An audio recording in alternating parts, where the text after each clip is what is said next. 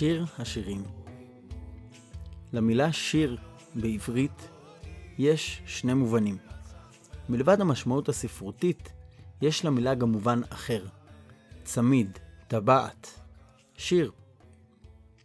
אף ששיר השירים הוא שיר שיש בתוכו כמה שירים, כמו טבעות הנקשרות זו בזו, ויוצרות שרשרת אחת, מחרוזת השירים הזו, שבשיר השירים, אינה בכך שיש במגילה זו חלקים שונים המשתייכים למאורעות וזמנים שונים, אלא במהותו של השיר עצמו.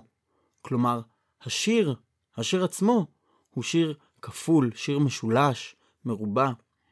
החלקים השונים, החוליות שיש בשרשרת זו, אינן נמצאות זו ליד זו, אלא זו בתוך זו.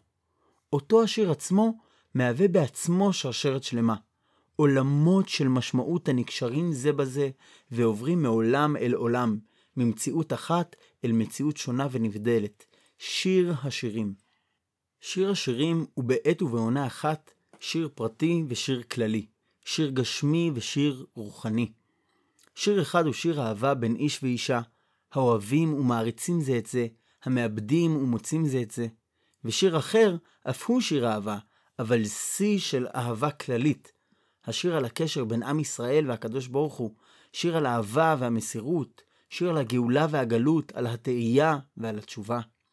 ועוד שיר נוסף מצוי שם, וגם הוא שיר פרטי, אבל שיר רוחני, על הקשר והיחס בין הנשמה ובין השם, על הגעגועים ועל הזניחה, על החיפוש ועל הבקשה, ויש שיר רביעי, שגם הוא שיר כללי, על היחס בין הבורא לבין בריאתו, בין האינסוף והשכינה, כיצד העולם נעלם ומתעלם, וכיצד סופו לשוב ולהתחבר אל הבורא. השירים השונים הללו עוסקים ברבדים השונים של המציאות, ובעצם כל אחד מהם שייך לעולם אחר. ועם זאת, אין השירים הרוחניים והכלליים הללו רק דרגות מופשטות ואלגוריות של השיר הפשוט הראשון. השירים הללו המצויים זה בתוך זה, הם כולם שלמים, נכונים ואמיתיים, כל אחד בתוך המערכת שלו. יתר על כן, כולם יונקים ומקבלים זה מזה. כל שיר מן השירים הללו הוא בצד אחד משל לשיר האחר, וכל שיר הוא מצד שני נשמת חיים לשיר אחר. ולמעלה מזה, כל אחד מן השירים מקבל את בהירותו ואת שלמותו על ידי השיר האחר, ואף אינו יכול לעמוד בצד עצמו לולא היו בצידו גם שירים אחרים השייכים לעולמות אחרים. הסיפור של האהבה האנושית, הממשית, בין איש ואישה, נעשה שיא רק משום שיש מעבר לו שירה אחרת, נשגבה יותר. לולא מציאותה של אהבה שמימית, לא הייתה אהבה הגשמית מתבטאת, אלא בהענקה גולמית של תשוקה ביולוגית בלבד. מה שמרומם את הערגה הגשמית הוא מציאותה של תשוקה נשגבת יותר, אשר האהבה האנושית והגופנית משמשת כמשל וכדימוי שלה.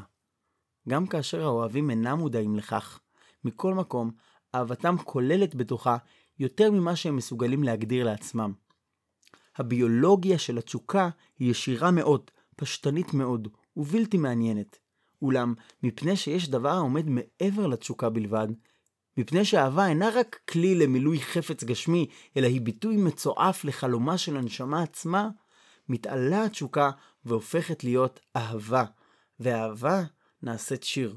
ובהיקף רחב יותר, מפני שאהבה בין הדוד והרעיה היא בעצם סמל חומרי של אהבת כללות האומה ולמעלה מכך של כללות העולם, על כן השיר של המתנשא מקבל ממדים של גודל ומרחב אחרים, שבהם החומר מפסיק להיות חומר פיזי בלבד, אלא נעשה הנושא החומרי של מהויות אחרות.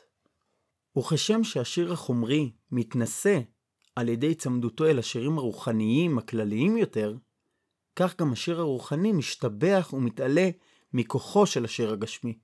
אילו היו השירים הרוחניים קיימים לגמרי לבדם, היו בוודאי מקבלים צורות מופשטות ורוחניות יותר.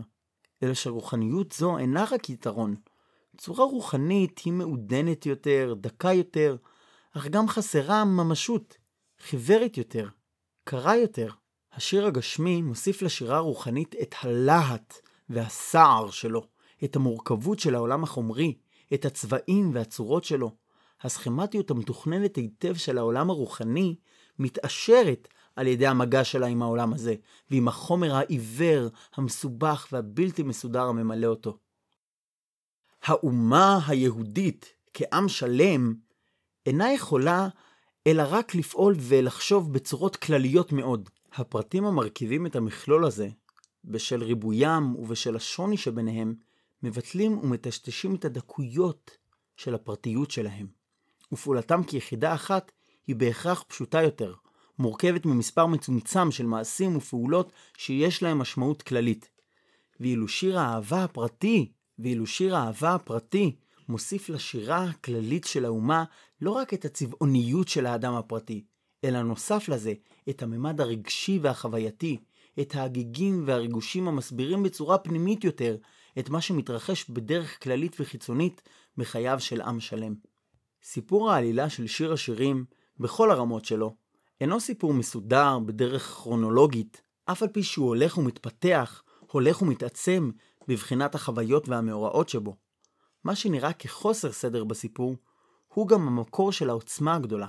הוא מה שמשנה את המגילה הזו, והופך אותה מסיפור עלילה פשוט למזמור כללי.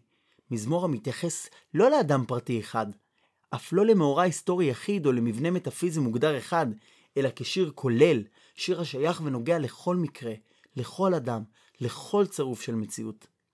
במערך חיים אחד, כמו בדרכו של אדם מסוים, או בפרק מסוים של היסטוריה לאומית, יכול השיר להיקרא לפי סדרו, ואילו במערכים אחרים הוא מתחיל וגומר בחלקים אחרים של המגילה הזו.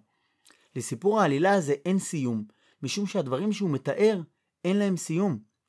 גם אם בחייו של אדם פרטי אחד מגיעה עלילת אהבה לידי גמר, הרי אין היא נגמרת עבור אנשים אחרים. כל אדם מתחיל מחדש את המעשה הזה בנקודה מסוימת בחייו, ועובר וחי אותו בחיי הבשר שלו כמו בחיי הרוח. וכיוצא בזה, כל פרק זמן בהיסטוריה של עם מתחיל את המעשה מחדש, מנקודת ראשית אחרת, וכל תקופה של עולם פותחת בו מחדש, ולא תמיד מאותה נקודה עצמה. ורק ככלות הכל, בקץ האחרון, יתגלה גם סיומו של מעשה זה. רק אז תגיע העלילה זו לידי גמר. העלילה של שיר השירים, כשם שאין לה סיום, כך אין לה התחלה. לא זו בלבד, שכמו רוב ספרי המקרא, אין הספר מתחיל בתחילת הסיפור, אלא הרבה מעבר לזה. לסיפור הזה אין בעצם התחלה. בדרך כלל יש לכל סיפור אהבה, בין שהוא ארצי ובין שהוא שמימי, נקודת ראשית. יש בו תיאור של פגישה ראשונה, וגם כאשר המעשה הוא מעשה של אהבה ממבט ראשון, יש דרך מסוימת שבה עוברים גיבורי הסיפור, במציאות כמו בסיפור מעשה, מן השלב הראשוני שיש בו מידה מסוימת של אי ודאות, של חוסר ביטחון לגבי ההחלטה, עד לרגע שבו האהבה מגיעה לידי גילוי, בהחלטה שלמה ומוגמרת. דבר נכון לא רק לגבי הצד האנושי, הארצי, אלא לא פחות מכן לגבי שאר השירים שבשיר. עם ישראל והקדוש ברוך הוא, הנפש והבורא, גם הם צריכים לכאורה להגיע לידי פגישה ראשונה כלשהי, להחליט זה לגבי זה. היעדרו של חלק זה בסיפור שבשיר השירים, אמנם שולל מן המעשה את האלמנט שהוא מרכיב ראשי בכל סיפור עלילה, את האלמנט של הספק הבסיסי, את המתח של החיפוש הראשוני. אמנם יש בשיר הזה גם צד של מתח, וגם מרווחים של תהייה וחיפוש, מציאה וגילוי, אבל דווקא הקטע הראשון בזמן, שהוא כה חשוב בכל מערכת יחסים, אינו מצוי בו כלל. ההשמטה הזו אינה מקרית. יתר על כן, אפשר לראות בהשמטה זו אחד המפתחות למהותו של השיר. בכל החיפושים והתהיות שבשיר הזה, בהתרחקות ובהתקרבות שבין הגיבורים, בשאלות השונות ובתהיות השונות שיש בו, יש דבר אחד שהוא בגדר ודאות. עצם הקשר בין הדוד והראיה, בכל המישורים ובכל הרמות של השיר, הוא דבר שעליו אין ספק כלל. אין שום ספק ששני אלה מיועדים זה לזה וקשורים זה בזה. בכל נפתולי הדרכים, בהתרחקות ובהתקרבות, יש תיאור של תנודות ומעברים בתוך קשר שהוא עצמו אינו נמצא בגדר ספק, שקיומו הוא בגדר של מושכל ראשון. העובדה של הסיפור של שיר השירים, אין התחלה ואין סוף, משמעה שבעצם הסיפור המסופר אינו שייך לזמן מסוים. ביסודו אינו סיפור של מה שהיה בעבר או של מה שהתרחש בעתיד. בעצם שיר השירים נמצא בהווה הנצחי, שהוא תמיד ממשי ואקטואלי. אמנם נכון שמצד מסוים, או חלק מסוים של מעשה זה, כבר היה בעבר. למשל ברובד הכללי-לאומי של השיר, הגאולה שביציאת מצרים. אבל לא זו בלבד שהעבר הזה שמור ורענן בזיכרון, אלא שבעצם הוא נמשך וקיים בתוך ההווה ובתוך העתיד. הסיפור הזה, כשם שהיה לפני שלושת אלפים שנה, חוזר ומתממש גם בתוך זמן ההווה ההיסטורי, או בתוך זמן העתיד. כאמור, סדר הדברים יכול להשתנות מעט מפעם לפעם. אך השיר נשאר בעינו, והמאורעות שהוא מתאר חוזרים ומתקיימים. ההווה הזה של שיר השירים מתרחש בתוך עונה מסוימת של זמן, שהיא בעצמה העונה והזמן של האהבה. בתוך האביב. החורף והסתיו, הקור והגשם שהיו אי אז בעבר, חלפו ועברו להם, והחורף הבא לעולם אינו מגיע. אולם למרות שהכל מתרחש בזמן ההווה, אין השיר קפוא במצב אחד. בתוך הקשר הקבוע, הבטוח, ובתוך הזמן הבלתי מוגדר, יש מידה מפתיעה של תנועה. התנועה הבסיסית אינה זו של מאורעות חיצוניים, אף כי לכל המאורעות המתוארים בשיר יש השפעה פנימית, אלא שבאמת, החוויות הפנימיות הרגשיות הן הן העלילה המרכזית של השיר. ואף דבר זה נכון ושייך לכל הרמות ולכל השירים שבשיר השירים. מערכת היחסים עוברת תנודות שונות של ריחוק וקרבה. לא לחינם ניכרים בשיר כמה וכמה פעמים המחולות, שהרי השיר הזה הוא שיר מחול, הכל מתרחש במקום אחד, אבל כל הזמן קיימת תנועה. המשתתפים השונים במחול משנים תדיר את עמדותיהם זה כלפי זה, מחליפים מקומות ותנועות, ובכל העת ממשיכים באותו ריקוד עצמו. התבניות הבסיסיות של שיר השירים הן אבן תנועות של ריקוד. הריקוד הזה, כיוון שהוא מערך של חיים שלמים, ובעצם של מערכות אחדות של חיים בדרגות שונות, אינו פשוט כלל ועיקר.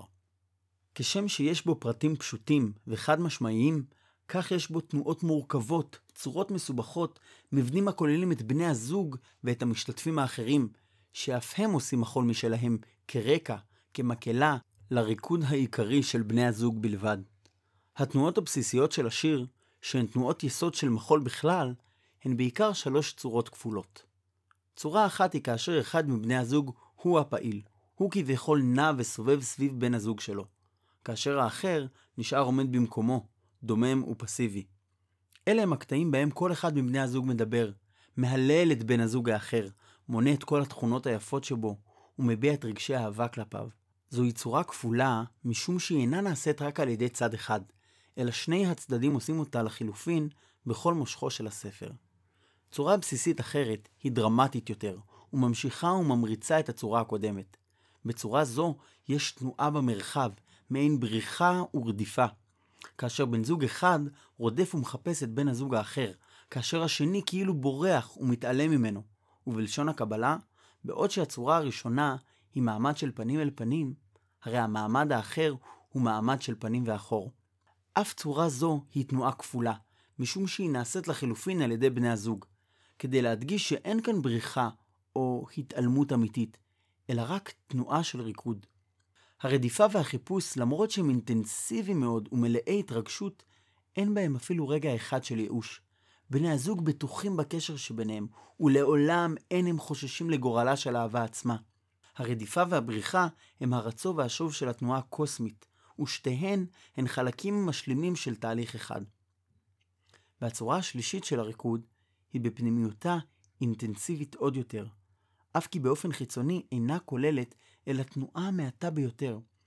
הריקוד כביכול נעשה במרחב מצומצם יותר, בתנועות קצרות יותר, כאשר הוא כביכול עומד במקום אחד, כאשר הריקוד הופך להיות לרטט, כאשר במקום רצו ושוב יש מתי ולא מתי. הקטעים הללו הם כאשר הראייה מדברת על אהבתה. לעתים מדברת עליה עם אחרים, עם בנות ירושלים, ופעמים מבטאה את הדברים בינה לבין עצמה. בקטעים הללו יש מצד אחד איפוק מסוים, אבל בתוך האיפוק הזה גם ההצהרות הבהירות ביותר, החזקות ביותר, על עוצמתה ועל נצחיותה של האהבה. כל המאורעות והעלילות של שיר השירים מתחוללים על רקע שהוא גם מציאותי וגם דמיוני. הלבנון ואמנה, עין גדי וירושלים. אכן, גם הרקע כמו עלילה אינו ממשי לגמרי. לאף אחד מן המקומות הנזכרים בשיר השירים אין ממשות ריאלית גמורה. המקומות והעצמים, העצים והצמחים שבשיר לא זו בלבד שהם חסרים את סימני ההיכר של מציאות אמיתית במרחב ובזמן, אלא שהם נושאים כולם אווירה אגדתית חלומית.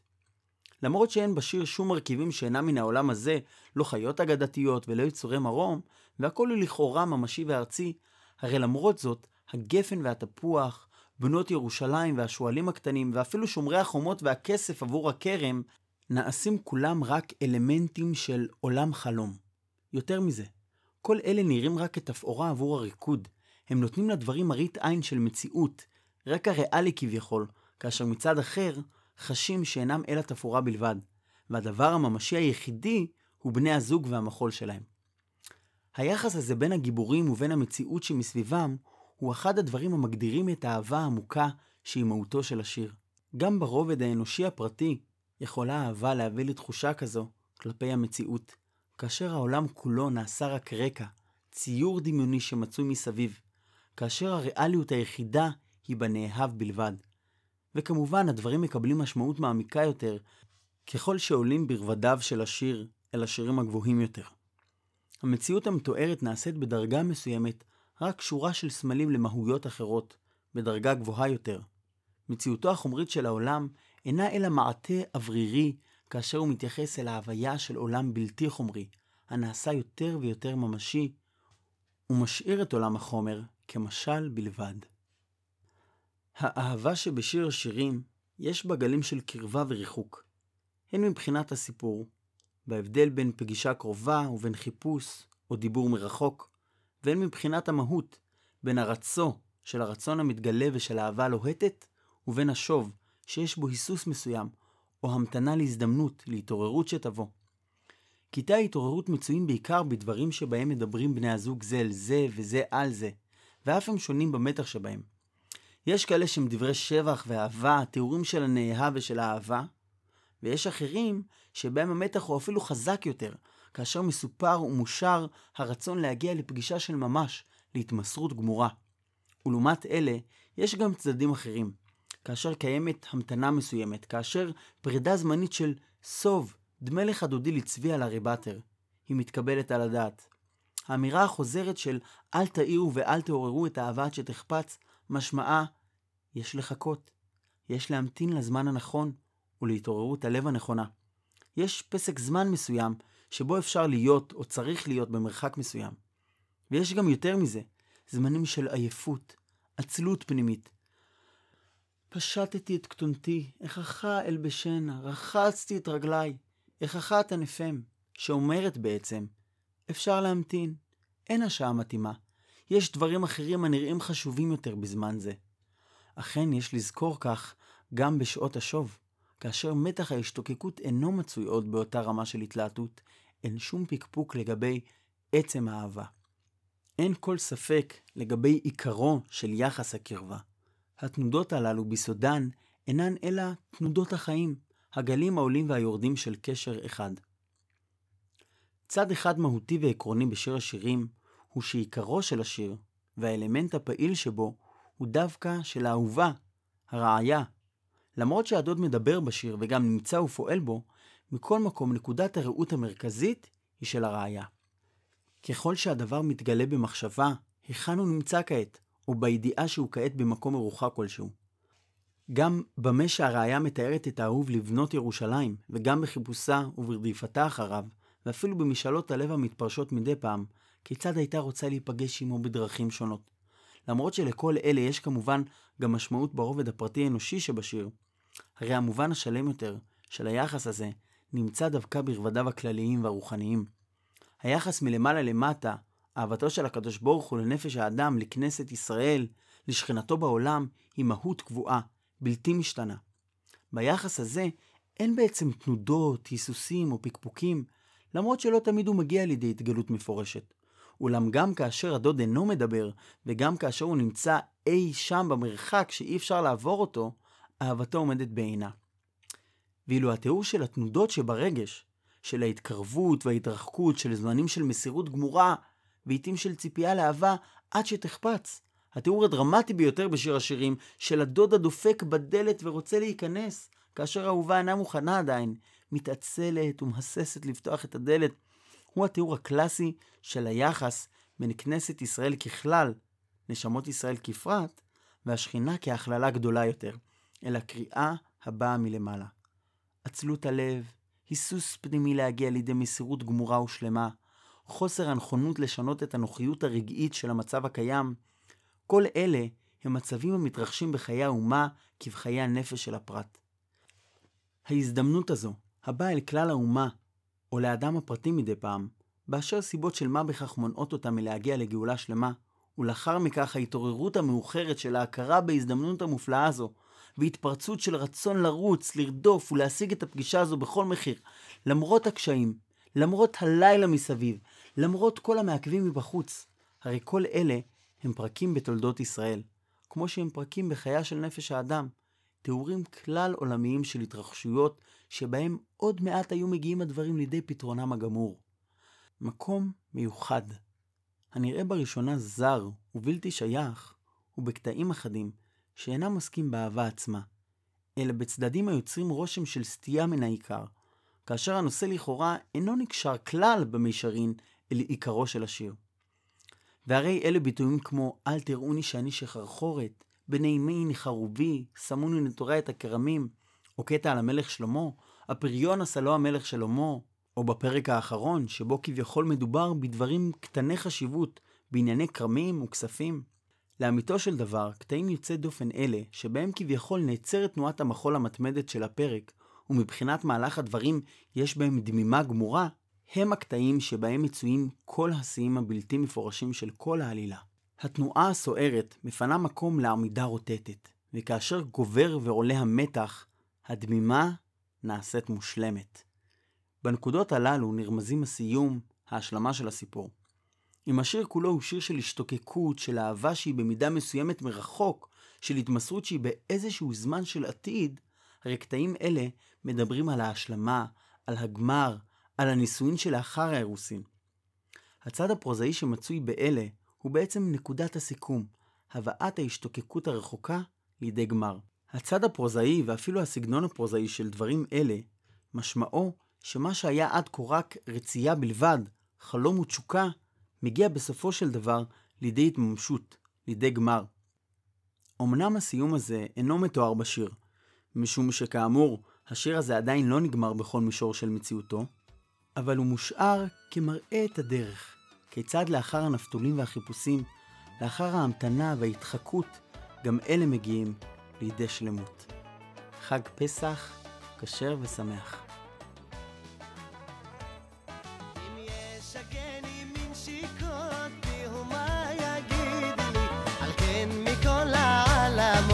שר שירים